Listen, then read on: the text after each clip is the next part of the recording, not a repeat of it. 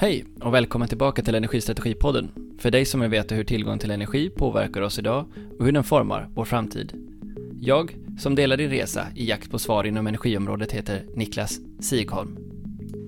Den här veckan gästas vi av Erik Brandsma, som är VD på Jämtkraft. Han har en lång och bred erfarenhet från energimarknaden, bland annat som tidigare generaldirektör för Energimyndigheten och från flera stora energibolag. Jämtkraft har den spännande dynamiken att det ägs av Åre, Krokom och Östersunds kommuner. Tillsammans motsvarar det en yta jämförbar med Skåne, Blekinge och Hallands län tillsammans. Där finns både de långa distanserna och trycket på effekt i Åre där tiotusentals turister kommer på besök. Hur hanteras en strategi som möter framtiden i en sådan miljö? Över en virtuell kopp kaffe diskuterar vi innovation och risk. Häng med! Varmt välkommen ja. till eh, till Energistrategipodden, Erik. Tack, tack Niklas. Himla kul att ha dig här. Mm. Detsamma. Kul att vara här. Och, eh, jag tänker så här att eh, för alla som inte känner till din bakgrund så är det intressant. Men du kommer från Holland, eh, men också arbetslivserfarenhet från flera olika länder i, i Europa. Eh, hur kommer det sig, ja kanske först och främst att du hamnade in i energiområdet eh, och sen hur kommer det sig att det blev Sverige då kan man ta som en följdfråga också? Ja, och, och, det börjar egentligen uh, för, som svar på båda frågor um, i uh, min mastersutbildning i Kanada som jag gjorde i Vancouver där jag valde energispåret um, um, och uh, där jag också träffade min svenska fru Eva och båda faktorerna har ju hjälpt till att hamna där var jag har hamnat just nu. Eh, resan gick tillbaka till Holland, sen eh, till eh, FN i New York, till OECD i Paris och sen också via en konsultsväng hamnade jag i Stockholm. Um, sen jobbade för stora energibolag och, och, efter det innan jag började här då på Jämtkraft som generaldirektör på Energimyndigheten. Mm, just det. Mm. Och visst är det så också att du har en ganska lång erfarenhet av CSR-frågor, alltså Ja. Både, både sustainability och responsibility frågor. Hur kommer det sig att det blev det området för dig? Ja, men det var egentligen när jag pluggade i Kanada eh, var det väl eh, de två röda trådarna var energi och hållbarhet. Eh, det var ju precis i den tiden som Brundtland-rapporten kom 87 där vi hade Tjernobyl, där vi började första FN stora mötet om hållbar utveckling 92, Rio de Janeiro. Eh, det var precis i de svängarna som jag gjorde min utbildning och, eh, och så började jobba då först för holländska departementet, sen på OECD, sen på FN just med hållbarhet och man skulle kunna säga hållbarhet och naturresurshantering och då specifikt på energiområdet. Mm. Hur var det att jobba med hållbarhetsfrågor och energifrågor då kontra idag? Ja, som en hållbarhetsfråga har växt ur ganska mycket eh, miljötänket. Och jag kom eh, som en av de få i den tiden från, från, eh, från det bredare tänk att hållbarhet handlar om avvägning av olika intressen allt från det ekonomiska, det sociala och det miljömässiga. Um, uh, var man i den tiden, så 90-talet pratar vi om då, var man en miljöchef då kunde man lätt bli en hållbarhetschef och egentligen fortsätta det vad man gjorde. Um, um, och jag började jobba som hållbarhetsansvarig uh, på bolag där vi pratade om, uh, då satt jag vid affärsutveckling. Eh, och då satt jag um, och, och jobbade eh, på bredden egentligen i bolaget och inte med miljöfrågor. Det fanns ju miljöchefer som gjorde det. Ehm, det var inte någon kommunikationsfråga heller eller en PR-fråga. Det var ju verkligen affärsutveckling så som jag har jobbat med hållbarhet och hållbar utveckling. Och det gör vi egentligen här på Jämtkraft också nu. Mm.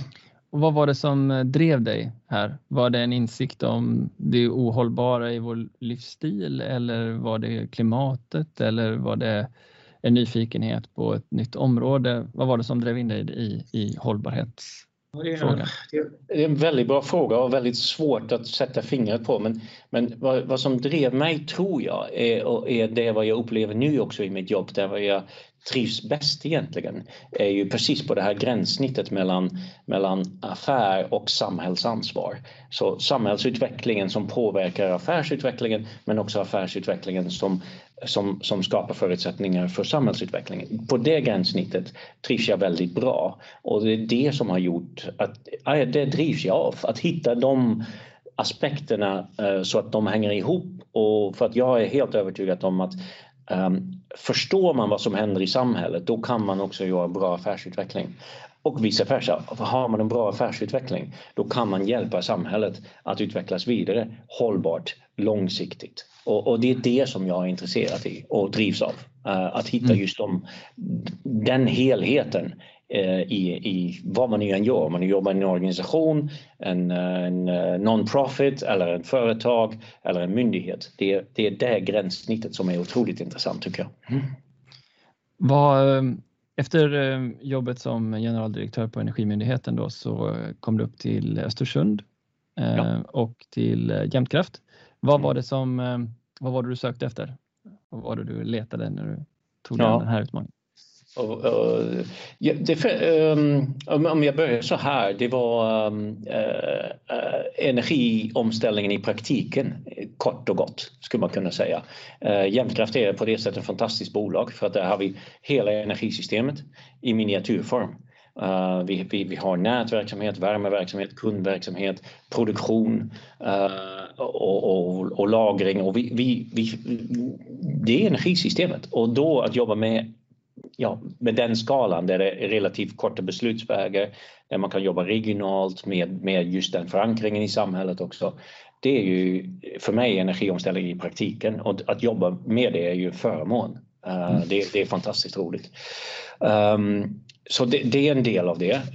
Um, sen, uh, sen finns det andra aspekter naturligtvis. Det är för mig också en eh, livskvalitets... Eh, jag trivs väldigt bra i, eh, i den här regionen. Ehm, och efter sex år på Energimyndigheten där man är ganska nära politiken, ganska mycket in i Stockholm kändes också som att ja, men här kan jag skapa, skapa lite utrymme, kan jag tänka lite nytt och och det, det var olika pusselbitar som föll ihop när jag fick frågan och eh, ja, eh, så blev det. Mm. Men intressant, då ska vi gå in lite mer på Jämtkraft då, som också är ett spännande bolag. Eh, kan du berätta först lite grann om er ägarstruktur? För den är ju, hur ser den ut? Ja, och då kan jag bara plocka upp den diskussionen som vi hade tidigare, det här gränssnittet mellan samhällsansvar, samhällsutvecklande, samhällsbyggare och driven affärs driven som en affärsinriktad verksamhet eh, eh, är ju precis det vad vi, vi gör här. Eh, vi ägs av tre kommuner, Åre kommun, Krokom kommun och Östersunds kommun. Um, men vi är en affärsinriktad verksamhet. Vi, vi ska ha intäkter, vi ska ha lönsamhet, vi ska ha avkastning på 10 procent av uh, sysselsatt kapital och, och så vidare. Um, uh, så det, Jämtkraft är en uh, ja, 125 år eller 130 år uh, gediget Ehm, gammalt bolag, mycket kompetens um, um, som nu går in i hela energiomställningen och en ompositionering en, eh, en, en bygga vidare på våra styrkor men ändå förstå vad vi behöver röra oss på och positionera oss i omställningen också för att säkerställa att vi finns om 130 år igen och fortfarande. Mm. Ja, eh, jag, jag, tänker eh, vi kan börja så här då. Eh, hur, hur är det att vara eh, chef över två samhällen som, som om vi tar, vi kan ta med Krokom också, men eh, vi tar Östersund och jämföra det med Åre som mm. ju är en, en, en starkt driven turistort. Eh, hur, hur, är det att hantera två så eh, olika kan säga, konsumtionskurvor? Mm.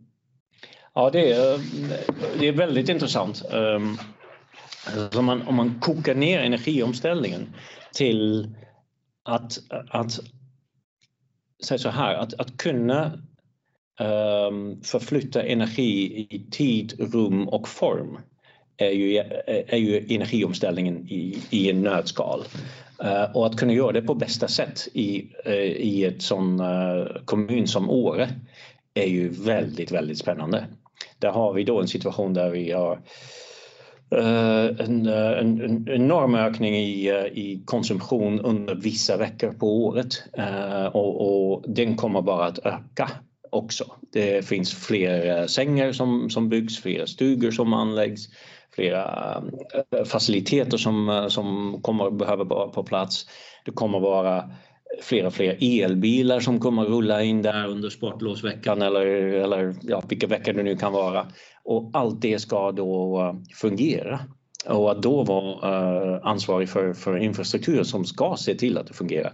Ja, du, du, kan bara föreställa dig att uh, om fyra, fem år när, när uh, kanske 50 till 70 procent av, av alla bilar som rullar in där en viss vecka är ju elbil, alla pluggar in samtidigt, alla sätter sig i bastun för att de har haft en härlig dag i, i backarna, um, uh, sätter på ugnen, um, leker tv-spel och vad, de, vad, man nu än gör.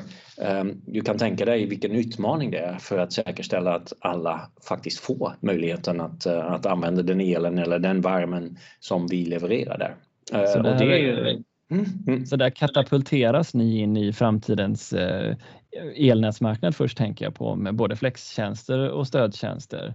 Ja, ehm. exakt och testa nya tekniker, styra Uh, ja, på alla möjliga sätt uh, se vad vi kan göra för det mest effektiva Eh, investeringar. För det kräver naturligtvis investeringar och vi kan inte dimensionera våra nät och våra produktionsanläggningar bara på den där veckan eller flera veckor eh, under året. Så vi, vi, jag säger väl ibland att om vi lyckas i Åre då kommer vi nog lyckas i Sverige och i Europa. Um, och, och, det blir en väldigt intressant testbädd för oss faktiskt. Mm. Mm. Hur, ehm, hur jobbar ni då med innovation och test? Eh, du nämner att ni väldigt, eh, liksom, har, har lång, många år på nacken. Eh, ni är ett traditionellt bolag, ni har en bred verksamhet. Hur får ni in den här innovations och drivkraften? Hur, hur skapar du förutsättningar för det i organisationen? Ja, det, och det är, en, det är en utmaning för att den är inte bara relaterad till rent säg, teknik eller kompetens. Den är, det är en kulturfråga nästan. Så, um, tänk, tänk så här att, att traditionell är vi ett bolag så som ja, jag skulle vilja påstå alla bolag som finns nu i den energirelaterade verksamheter. Um, är vi uh, långa investeringscyklar, um, trögrörlig infrastruktur, um, uh, långa beslutscyklar, uh, säkra intäkter och, och så vidare. Och, och, och allt, hela vår ekonomisystem, vår, eh, vår eh, så ägarkrav, vår sätt att sätta mål, vår, vår sätt att, eh, att budgetera är ju inställt på just den världen. Och den världen förändras väldigt snabbt nu. Så vi, då kommer plötsligt tryck från, från hållbarhet, kunder som vill engagera sig, marknader som fungerar på ett helt annat sätt än vad de gjorde för fem år sedan. Och, och här pratar vi snabba ryck, nya tekniker, um, um, mindre marginaler, kortsiktiga investeringar um, och de värdena de, de hör ju inte ihop. Ekonomisystemet är inte byggt för det här. vårt sätt att, att, eh, att, eh, att tänka investeringar är inte gjort för det här. Och, och då att båda sidorna förstår hur viktigt de är för framtidens jämtkraft är ju en otrolig utmaning. Uh, att, att både, säg mina vattenkrafts eh, eh, kollegor som har en otrolig kapacitet om hur en, en kraftverk fungerar. Att, att man känner att ja, ja, det är uppskattat och vi behöver förvalta det, vi behöver hantera det och utveckla det. Samtidigt som mina snabba Ehm, eh, kund i tankarna, idéer som vi behöver utveckla som snabbt kan förstå att den här vill kunden ska ha det, vi ska tillsammans utveckla ett styrningssystem för just eh, ditt, ditt syfte. Um, Uh, ja, du, du, förstår, eh, alltid i samma bolag. I mean, E.ON delades upp för att man trodde att det inte gick att få ihop de här två olika kulturerna. Jag är övertygad att nej, vi kommer att få ihop det och vi kommer dessutom få synergier och, och eh, ett, eh, säg möjligheten att bygga 1 plus 1 plus 1 är 5 och 6 eh, utifrån ett samspel mellan de olika delarna. Så det är ju fantastiskt spännande men, men det är en utmaning. Jag ser att, eller jag kan notera att ni har en, en avdelning som heter strategi och innovation. Är det så även för dig att du ser att en del av det här behöver separeras ut? Eh, och, och i så fall, hur gör du för att integrera det i resterande verksamhet? Vad, ja. vad trycker ni på? Mm. Ja, det är bra. Vi, vi, har sagt så här att, att alla delar i bolaget är ansvariga för sin egen utveckling, för de delarna som också behövs utvecklas. Så alla ska utvecklas. Alla ska jobba med innovation. Men för att få en innovation som fungerar lite mer långsiktigt, som kanske har en, en, en intäkt eller en avkastning på 3, 4, 5, 6 års sikt istället av 1, 2 års sikt.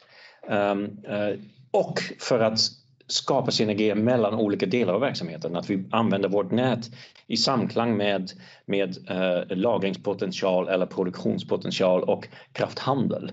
Att det samspelet fungerar, det kan man bara genom att lyfta sig ur den dagliga verksamheten och se helheten.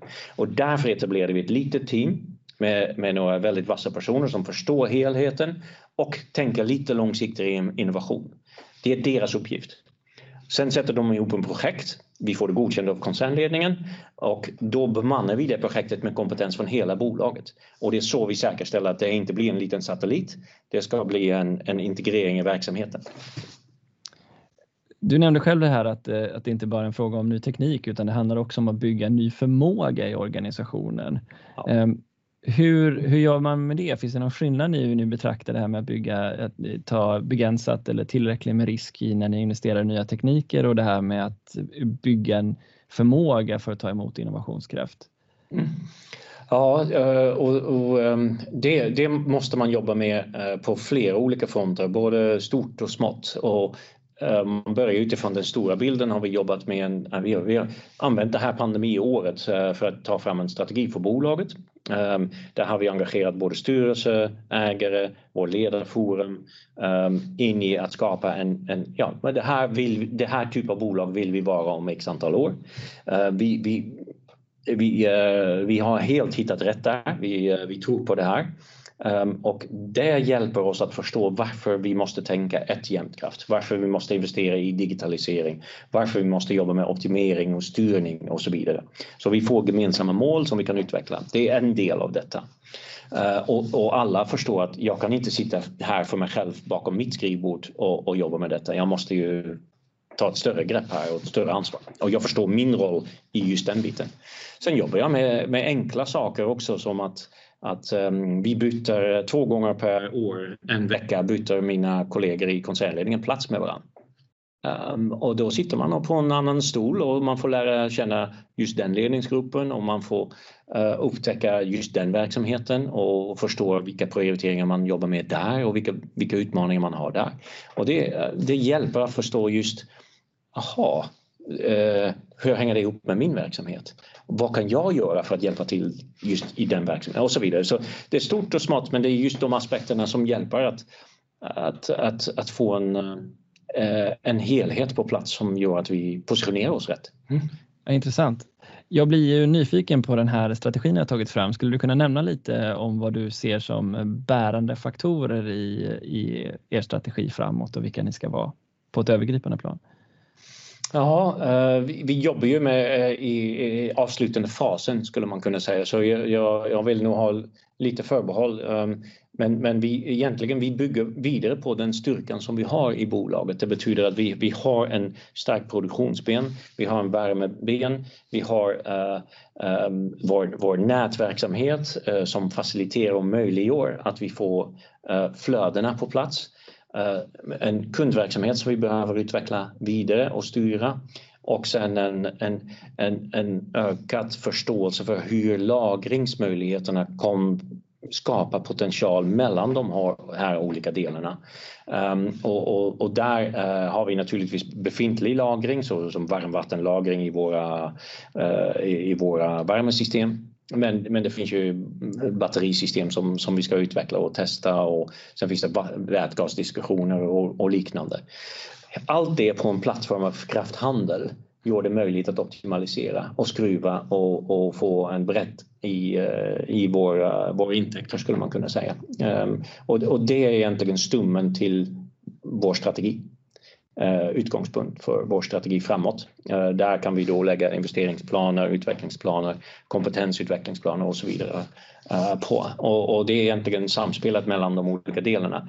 Inget revolutionärt, bygga vidare på det vad vi kan och vet, men samtidigt inte något som alla kan bara göra. För att det finns inte så många bolag, regionala energibolag i Sverige som har portföljen och det paketet att kunna göra det här. Så vi, vi tror att vi uh, positionerar oss rätt på, på det sättet. Mm. Ni verkar ju också driva samarbeten på många olika former, bland annat genom samarbete med Volkswagen och Diös, men ja. även i utvecklingskluster Energi AB som ni eh, är samägare tillsammans med mm. ett antal andra eh, regionala energibolag. Är det en viktig del i att sprida risk kring innovation? Tolkar jag det som då? Eller hur, hur, hur ser du på det? Ja, inte bara för att sprida risk. Eh, jag, jag tror att äh, Säg så här att, att energibranschen har gått från ett säg, kan själv motto eller, eller kultur äh, till att så som vi och jag ser det att, att äh, ja, men det här kan vi inte göra själv. Vi, vi måste hitta partners. Och, och, vi sa då från, från första början att, att ja, men vi ska bli bäst på att skapa partnerskap. Och det är för att Ja, vi är ju inte den typen av bolag som ska göra allt själv. Vi behöver kompetenser utifrån, vi behöver allierade. Ska vi vara en del av samhällsbyggande, då måste vi förstå hur transportsektorn omställer, hur industri omställer, hur samhällsbygget kommer att se ut framöver. Och då behöver vi hitta de partnerskapen. Vi dessutom behöver verktyg för en, en ökad digitalisering. Ska vi göra allt själv? Nej, naturligtvis inte. Vi kan ju inte, det, det skulle vara rent av Eh, ja, affärsmässigt självmord eh, att försöka göra allt det själv. Mm. Och därför har vi också skapat det här utvecklingsklustret tillsammans med fyra andra regionala energibolag för att säga ja, men vi, eh, vi jobbar tillsammans. Vi delar kostnader, vi delar kompetensen mellan varandra och vi delar också riskerna med varandra. Men det är vårt sätt som regionala energibolag att, att vara framåt i matchen Eh, i energiomställningen och vara en rejäl eh, match för våra stora kollegor skulle man kunna säga. Mm. Ehm, så det är en kombination av de aspekterna. Ehm, vi kan inte göra själv. Vi ska vara väl, Sveriges bästa energipartner, Jämtkraft, och därmed eh, hamnar vi hos Volkswagen, därmed hamnar vi eh, hos Diös och, och, och, andra på nationell nivå eller, eller även större. Um, och eh, det är så vi äger eh, säg, vår, eh, vår, vår laddinfrastrukturbolag, B-charging tillsammans med andra regionala energibolag. Uh, vi har vår utvecklingskluster tillsammans med uh, ett antal regionala energibolag. Och det är det sättet vi tror på att hålla oss på framkant Ehm, att, att vara med i innovation utan att satsa allt själv på en enda häst och sen se om det går eller inte. Mm. Så, så att hitta en bred bas att jobba med och att, eh, att kunna skjuta med hagel så att säga för att se vad det är som landar rätt och inte verkar vara den vägen framåt som ni väljer. Ja, i, i den här eh, sektorn eh, och, och, som vi har tittat lite på andra sektorer också som har hamnat i en liknande situation där man har sett en, en, en ökad takt i utvecklingen tack vare digitalisering till exempel. Där ser man att det finns ju de som satsar allt på en, en, en ett kort och, och går all in där. Då, kan, då har man risk att misslyckas. Sen finns det de som sitter och väntar Uh, vi ska aldrig vara först på någonting, lite den attityden. Uh, och sen se vad som händer. Um, men vi kom fram till att ja, men vi ska inte satsa allt på en kort. Vi ska inte heller sitta, sitta still för att det blir för, i den takten som förändring sker just nu är man alltid för sent om man sitter still och väntar. Men man ska testa lite på en bredd.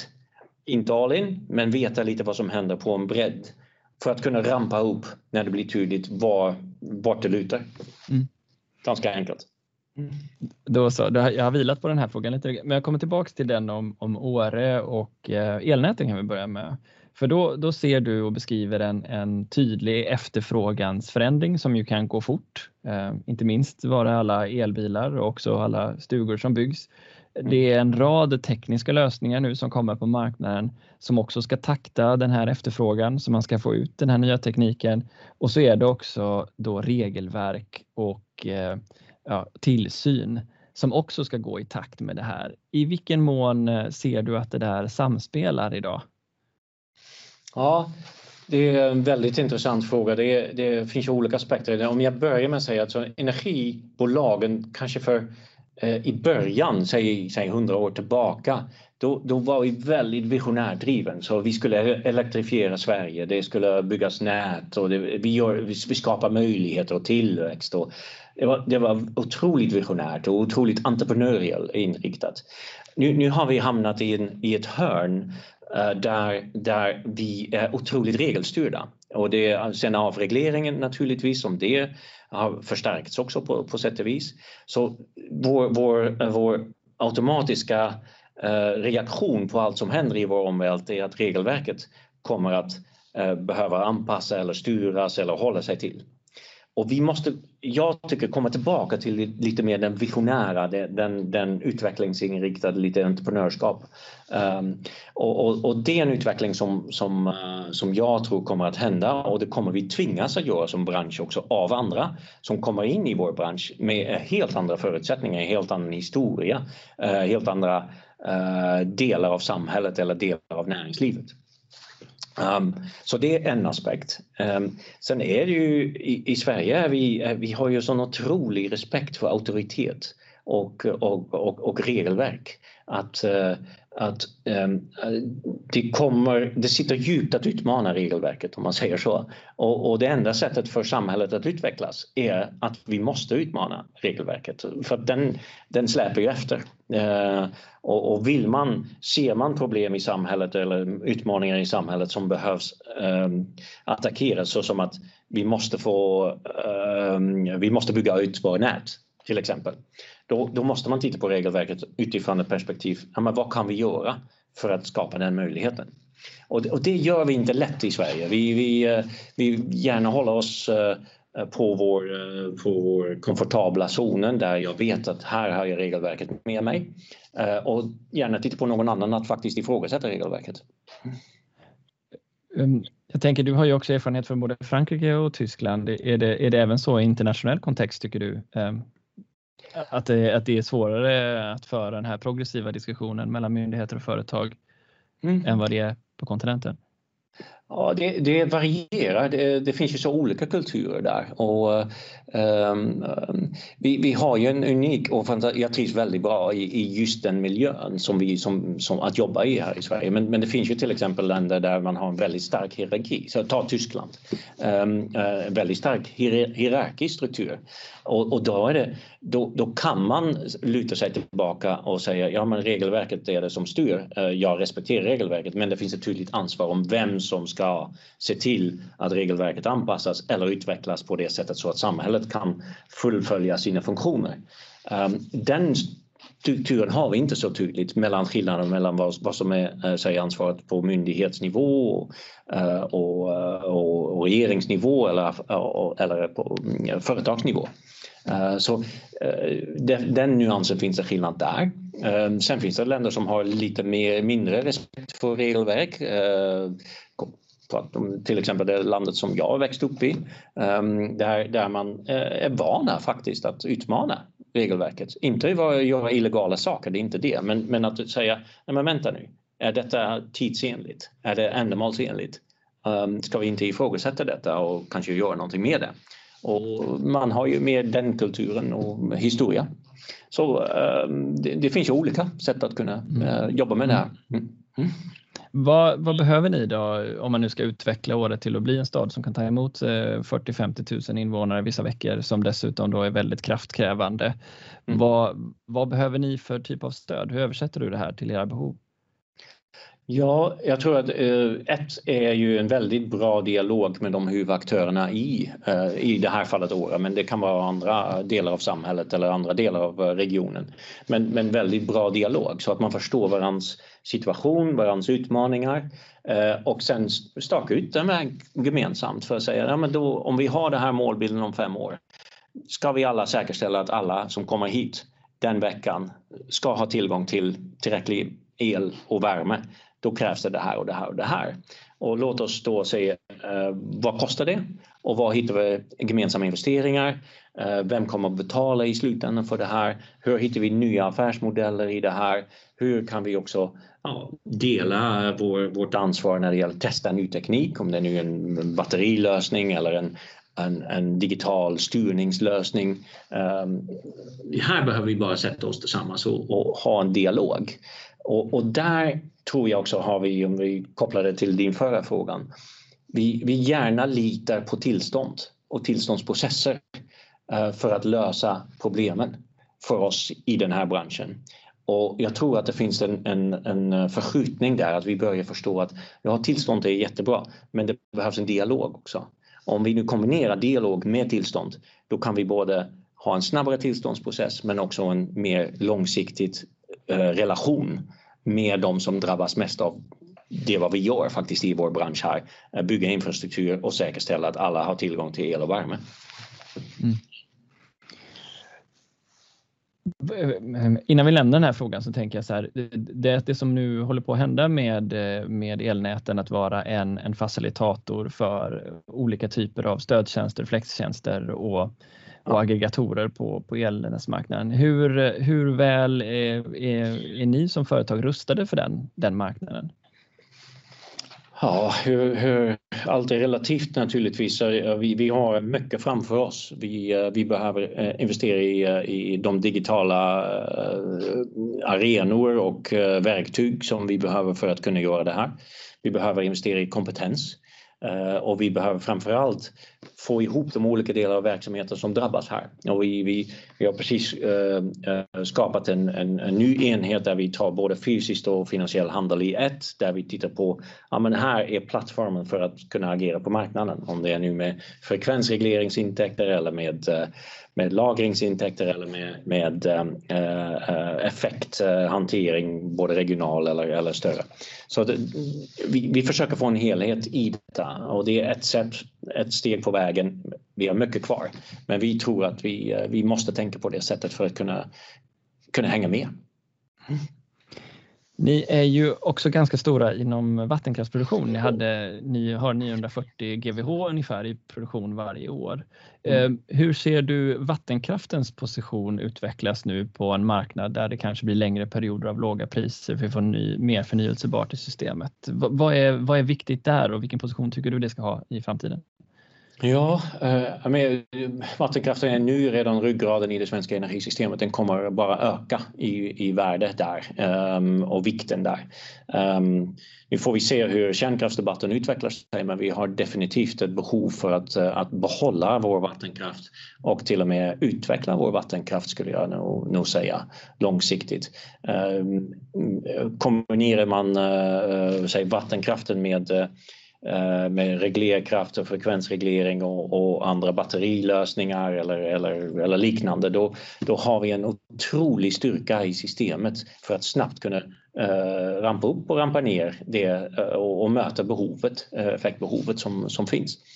Eh, så det, det, kommer bara att öka i värde och i, i vikt för, i systemet.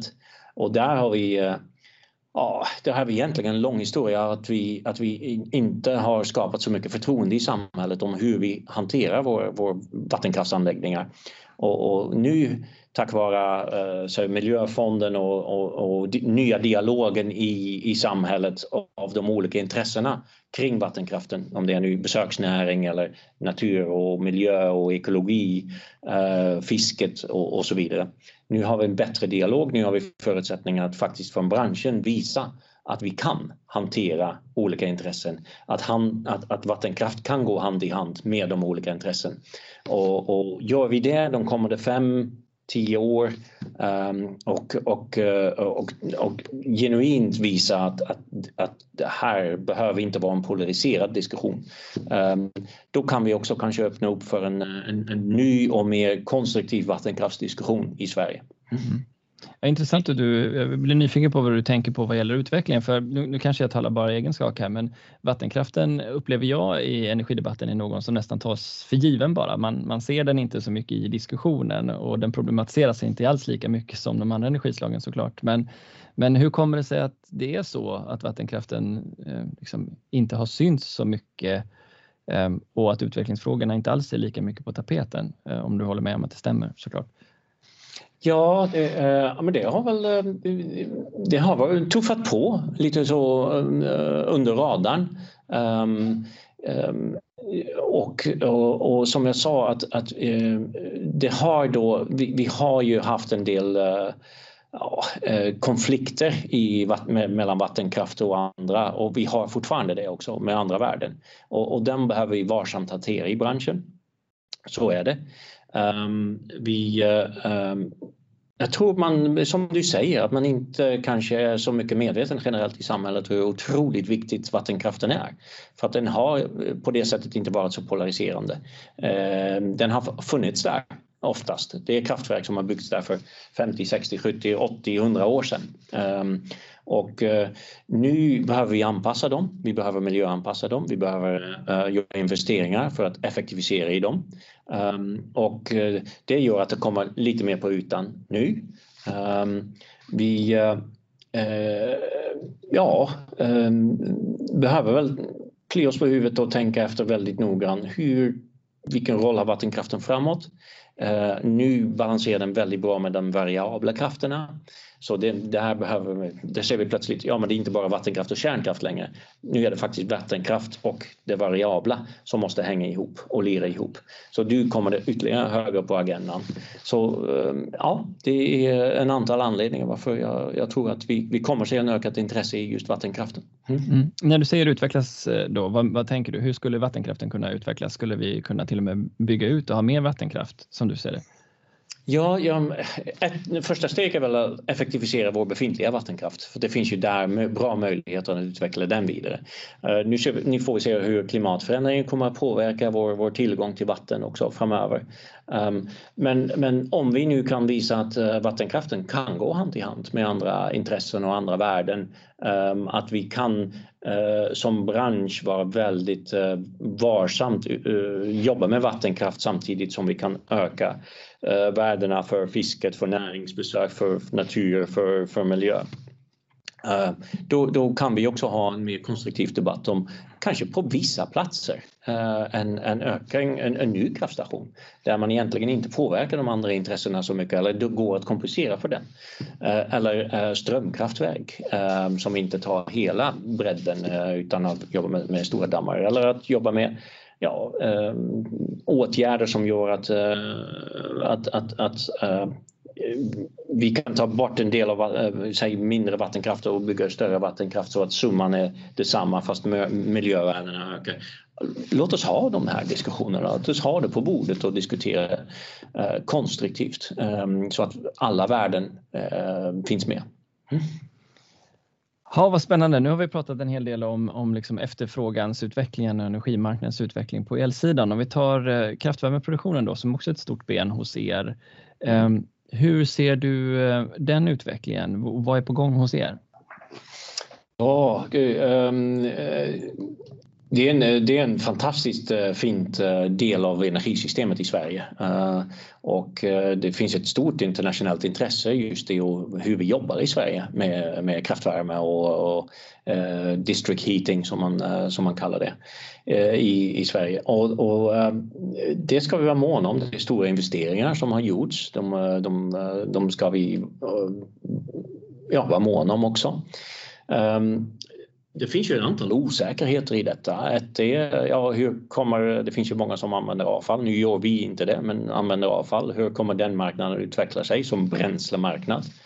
Um, hur, uh, hur kommer uh, biomarknaden att utvecklas? Uh, det enda vi kan säga om den är att det kommer vara en ökad konkurrens om just den resursen. Vad betyder det för priserna?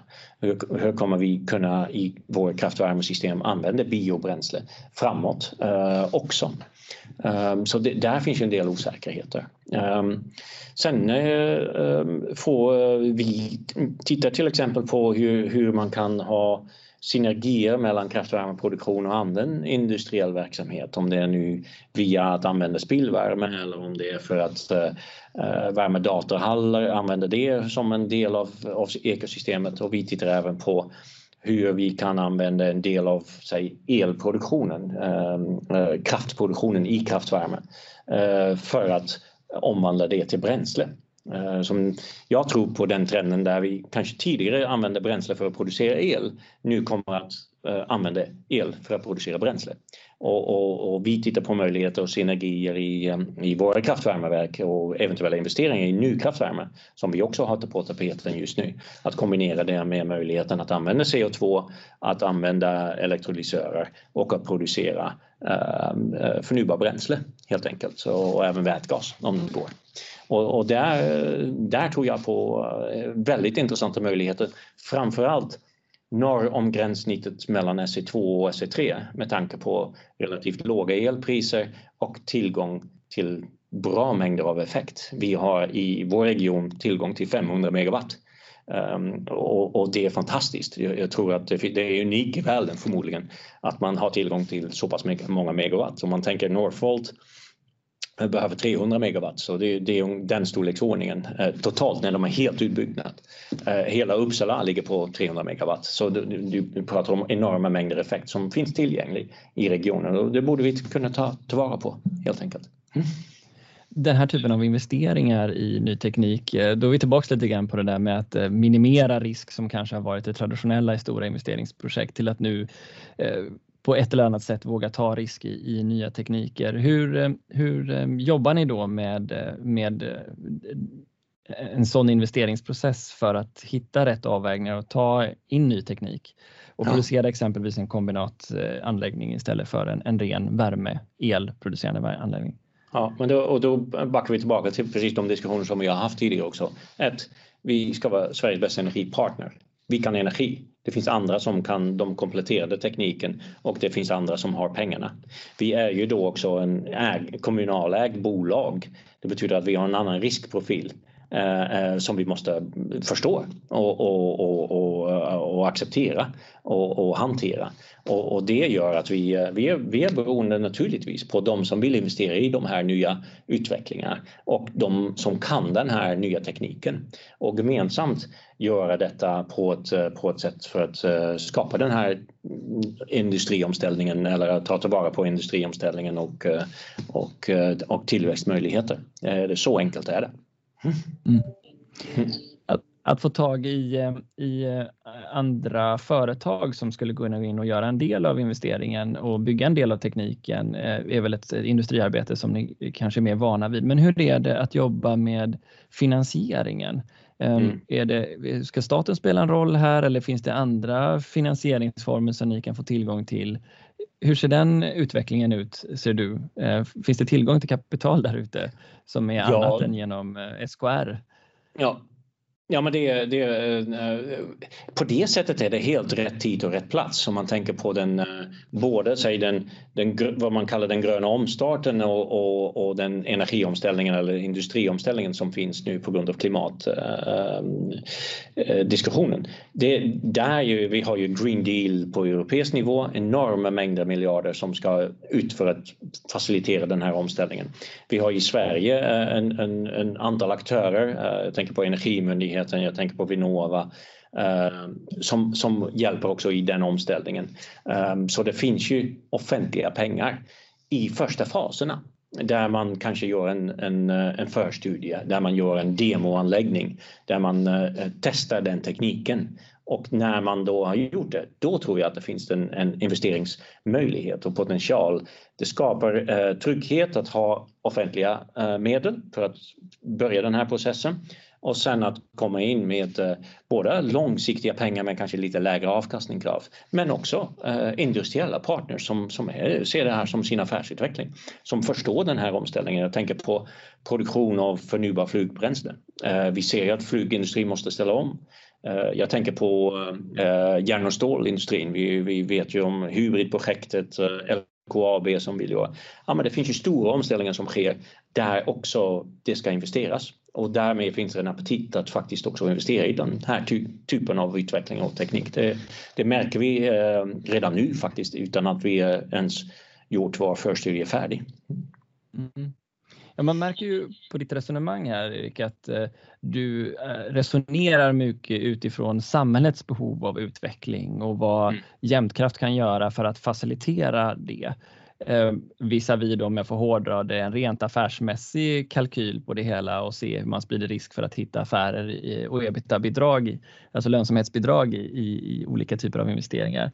Är, hur beskriver ni Jämtkrafts roll att driva den samhällsutvecklingen? Kanske till och med är er kärna, eller hur beskriver du det? Ja, och då tar jag, eh, jag håller inte med dig, ehm, men jag förstår precis det resonemanget du har där och jag ska försöka förklara mig där. Um, om, om man gör en, en en rejäl investering nu utan att man förstår vad som sker i samhället, då, eh, då, då, då kan man ha hur bra kalkyler eller ebita målsättningar. Ehm, men om man missar det, då sitter man med en investering eller en stranded asset. Eh, I vår bransch har man ju nu det. Eh, det finns kolkraftverk som kanske eh, som, som, som kostade 30 miljarder som har tagits i bruk i 2015 som nu är fullständigt stranded och behövs läggas ner. Så även om man gör de kalkylerna, om man inte förstår vad som sker i samhället, då är man inte riktigt på väg med, med sund affärsutveckling. Så därför är jag helt övertygad om att man måste förstå vad som sker i samhället. Man måste ta då det till sin affärsutveckling eh, och till sin affärskalkyl för att veta var man ska investera och var man ska positionera sig. Det är riskfullt, men det är entreprenörskap. Det är näring och näringsutveckling. Så jag, jag, jag, ser det inte som någon, att, att vi tittar på samhället utifrån någon slags, ja, vi vill vara goda eller vi vill eh, vara eh, etiskt rätt eller något sånt. Vi gör det inte för samhällets skull, eller vi gör det för att säkerställa att vi hamnar rätt som bolag och positionerar oss och investerar rätt. Så enkelt är det.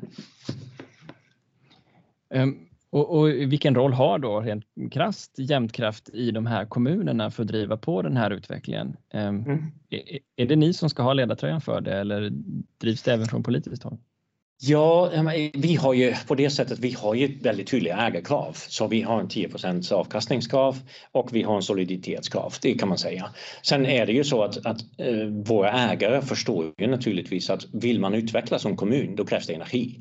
Och då krävs det ett bolag som engagerar sig i den frågan. Så vi är ju aktiv partner i, i, med våra i våra olika kommuner runt omkring om industrietableringar, om transportomställningar, om ja, eh, besöksnäringen som, som ska utvecklas. Får, är vi inte med, då missar man en, en avgörande bit i pusslet för att få ihop det. Så på det sättet har vi ett ansvar så är vi med. Men den är affärsmässigt driven. Vi ska säkerställa att vi investerar rätt och att vi får intäkter på de investeringar som vi gör långsiktigt. Eh, så att vi finns många år framöver också. Så det, det, är ett samspel mellan vårt ansvar som samhällsbyggare men också vårt, vår, vår, vår roll som, som, som gynnsam företag som har en av de större arbetsgivare i regionen också. Jag tänker bara på att det kan finnas lite olika syn på det här med risk and reward, alltså belöning och det man vågar satsa. Men det låter som att ni har väldigt stor samsyn kring det. Ja, det, men det är ju en kulturförändring också. Ehm, jag, ibland tar jag exempel att det, det är kanske lättare traditionellt att gå till min styrelse och säga jag behöver 1,5 miljarder för ett nytt kraftvärmeverk.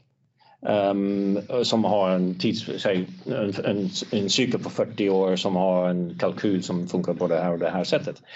Um, än, att, än att gå till, eh, uh, säga jag, eh, jag behöver investera i en, i en ny kundlösning som kommer att kosta 30 miljoner um, för att kunna utbygga den här eh, uh, kundstyrningssystem eller vad det nu kan vara. Ja, men du ser ju helt olika investeringar. Det kan vara svårare att ha den här diskussionen om 30 miljoner än om 1,5 miljarder.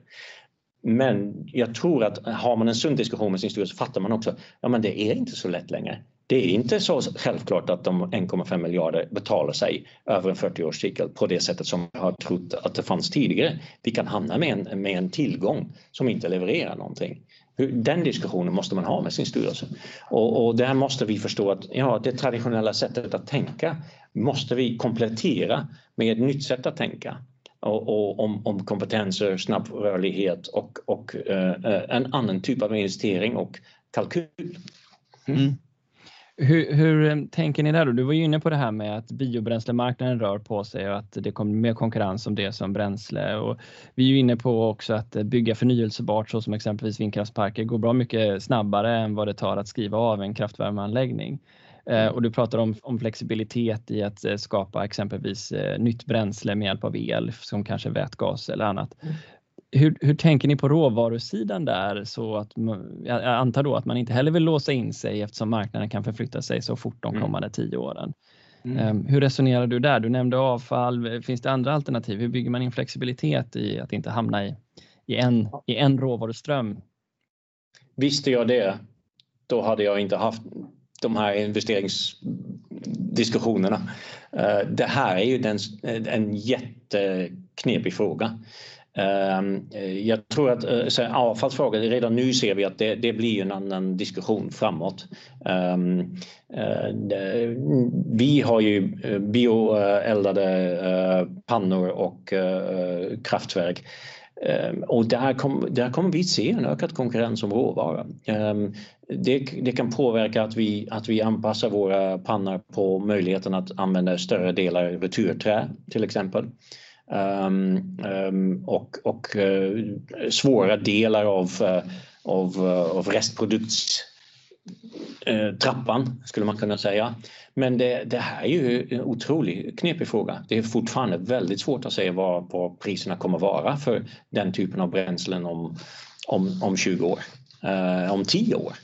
Mm. Um, så det, det, jag, jag har inget riktigt bra svar på det och det är precis vi, vi börjar nu diskutera en investering i en ny kraftvärmeverk Eh, som komplettering till en annat eh, eh, kraftvärmeverk. Vi ersätter lite gamla pannor och kompletterar en, en redan befintlig ny panna. Ja, är det någon där ute som har svarat på de här frågorna då får de gärna ta kontakt med mig. Mm. Ja, jag läste i vd-ordet från årsredovisningen att ni, haft ett, eller ni hade ett framgångsrikt 2020 eller 19 bakom er, men jag vet att ni också fått priser för arbetsmiljö. Eh, ni har, fått, ni har sänkt era utsläpp rätt rejält med tanke på att ni har flyttat bort från torven. Mm. Ehm, och hur blickar du in mot, 20, ut mot 2021 nu då, närmaste tiden om vi tar det perspektivet först. Mm. Vad, blir, vad blir, tror du, de, de stora marknadspåverkande Eh, faktorerna för er? Eller liksom, vad är det som är på tapeten för er? Ska jag fråga. Ja. Uh, och det, nej men eh, vi, vi hade nyligen styrelsemöte och gick vi igenom hur vi såg på 2020. Vi satt i januari ehm, uh, 2020 och försökte titta framåt. Vad är de viktigaste faktorer som vi ser framför oss? Hur kommer det påverka vår affärsutveckling, våra möjligheter och resultat? Och ingen visste att pandemin skulle komma då. Ingen visste att det fanns Eh, för första gången i historia eh, negativa elpriser som skulle dyka upp här och där under året. Eh, att vi har en genomsnitt lång elprisläge, milda vintrar, mycket blött. Mycket, ja, ni, du förstår, det är otroligt svårt. Vi, 2020 kommer att vara ett tufft år. Är ett tufft år. Det har varit ett väldigt tufft år. Resultatet kommer att visa det också. 2021 kommer att vara också tufft fortfarande. Eh, det, det tror jag. Ehm, vi kommer ha elpriser som är lägre än vad vi kanske är vana med för, för tre, fyra år sedan. Två, tre, fyra år sedan. Ehm, jag tror däremot att, att vi kommer se större skillnader i elpriset eh, också för, för både kortare och längre perioder. Um, men att vi får en, ändå en generell trend som är, som är ja, ganska, eh, inte brant på det sättet men lite uppgående och ganska stabilt framåt. Ehm, så det, det, finns ju bra möjligheter att utveckla fortfarande eh, och utveckla eh, affärerna. Ehm, vad som påverkar nästa år är, är, hur, hur snabbt kan vi få vaccineringen på plats? Ehm, det, det, hur snabbt kommer då den, vad vi kallar, den gröna omstarten? Um, hur snabbt kommer uh, takten att fortsätta i eh, elektrifieringen ehm, av, eh, av transporterna ehm, och omställningen inom industri ehm, med hjälp av vätgas? Det, det, tror jag är de, de mest intressanta frågor egentligen och där har det ständigt underskattat hur, hur snabbt det kan gå faktiskt. Eh, och, och, den tror jag också kommer att påverka hur vi positionerar oss framåt. Um, sen är det för oss att um, anpassa vår kostnadskostym på mycket mer variabel elprisläge uh, och, det är en, det är en, en utmaning i sig för oss själva, för bolaget um, och branschen. och sen att uh, jobba aktivt med att hitta rätt partners för utvecklingen. Det är, det är prioriteringarna som vi ser. Mm. Hur ser det ut med eh, nya etableringar på kundefterfrågan i er region? Eh, jobbar ni aktivt med det också? Alltså större energikrävande kunder då tänker jag. Ja, det finns ju, det finns ju olika initiativ här. Vi, vi jobbar själva som jag berättade om också. Att vi, vi ser till exempel bra potential för att producera bränsle för med, med, med hjälp av el. Ehm, eh, kommunerna, våra ägarkommuner jobbar aktivt med att, eh, att eh, attrahera nya investeringar och, och ny industri. Vi har ju en region som, som profilerar sig ofta med, med en säg, ökad livskvalitet, nära till naturen, mycket hållbarhet och, och, och, det finns ju väldigt bra potential när det gäller elpris och tillgång till effekt. Så varför inte? Ehm, vi, vi, eh, vi jobbar med detta, både vi som bolag men, men vi jobbade tillsammans med, med regionen, med kommunerna ehm, för att eh, berätta om det här eh, och därmed skapa intresse för att etablera sig här. Om vi lyfter blicken lite då så tittar vi tio år fram i tiden. Nu vet jag att det här är en svår spaning för att göra, men vad, vad tror du att Jämtkraft behöver vara för typ av bolag? Du har redan nämnt det, men är det några, om du kan ta någon trend som du tror kommer slå igenom, kommer fler stora eh, energikonsumenter följa LKABs spår och investera i att bli helt förnyelsebara? Eh, eh, vad ser du framför dig de närmaste tio åren? Oh, det blir mycket intressant. Men jag, jag tror att vi, vi, vi fortsätter ett bolag som har en stark kompetens på säg, den traditionella delen av, eh, av eh, energisystemet. Vi kommer uh, utöka faktiskt också vår, vår möjlighet att kunna hjälpa andra att, att effektivisera, underhålla, drifta anläggningar. Ehm, eh, jag tror att, eh, att eh, vi kommer fortsätta investera i vår nätverksamhet och värmeverksamhet. Vi kommer ha en ökad investering i, i, i, i lagring och kundsegmenten och där behöver vi framförallt jobba med. Vi kommer ha en, en, en stark kompetensdriven, digitaliserat, baserat del i verksamheten. Mycket mer än vad vi har just nu. Um, och um, samtidigt vi har vi har fortfarande, fortfarande våra rötter i, i sig det jämtländska, det, den, den regionala um, tryggheten. Um, det kan vi säga. Um, men vi kommer förflytta oss från att vara en ren säg, energibolag till att vara mer en samhällsbyggbolag mm. skulle man kunna säga och, och, ha kompetens för att kunna hjälpa med stadsutveckling, med, med transporter, med industriutveckling och så vidare. Ja, det är väl, eh, det, det, är väl så jag tittar på det. Ja. ja, men vi har ju haft en, eh, vi vet ju inte så mycket om december än förutom att det verkar vara ganska varmt. Vi hade i alla fall eh, den varmaste november på otroligt länge. Jag kommer inte ja. riktigt ihåg. Vi vet att Östersjön är varmare än vad den brukar vara så här års också. Ehm, hur ser det ut med er med klimat och temperaturförändringar? I, här i Jämtland menar du eller? Mm.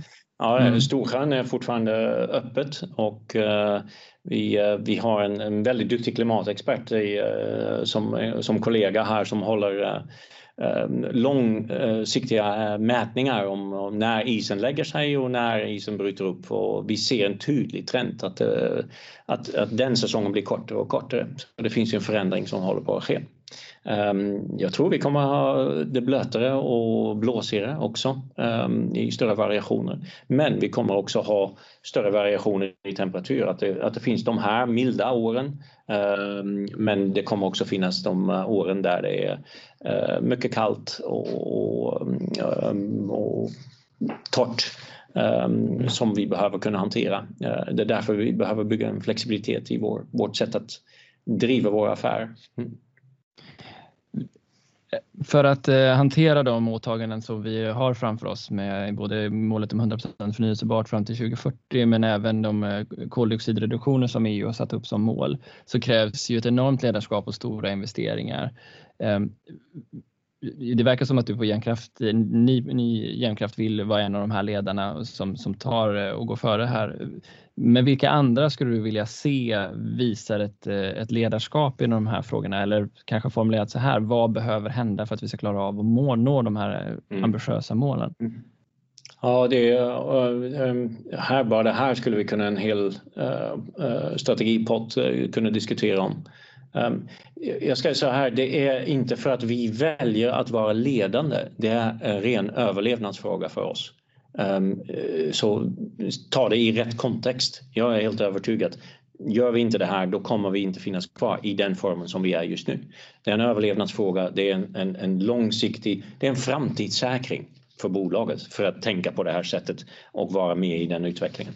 Ehm, och, och, och, jag tror att det behövs eh, en, en ökat dialog och ökat samarbete mellan de olika aktörerna. Jag förväntar mig det från de stora eh, energibolagen, våra stora eh, vänner i, i, i Vattenfall, Fortum och Eon.